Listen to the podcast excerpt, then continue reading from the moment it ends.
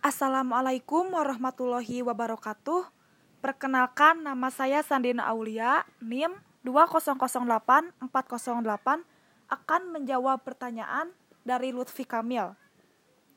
Pentingnya Pancasila sebagai sistem etika ialah menjadi rambu normatif untuk mengatur perilaku kehidupan masyarakat, berbangsa, dan bernegara.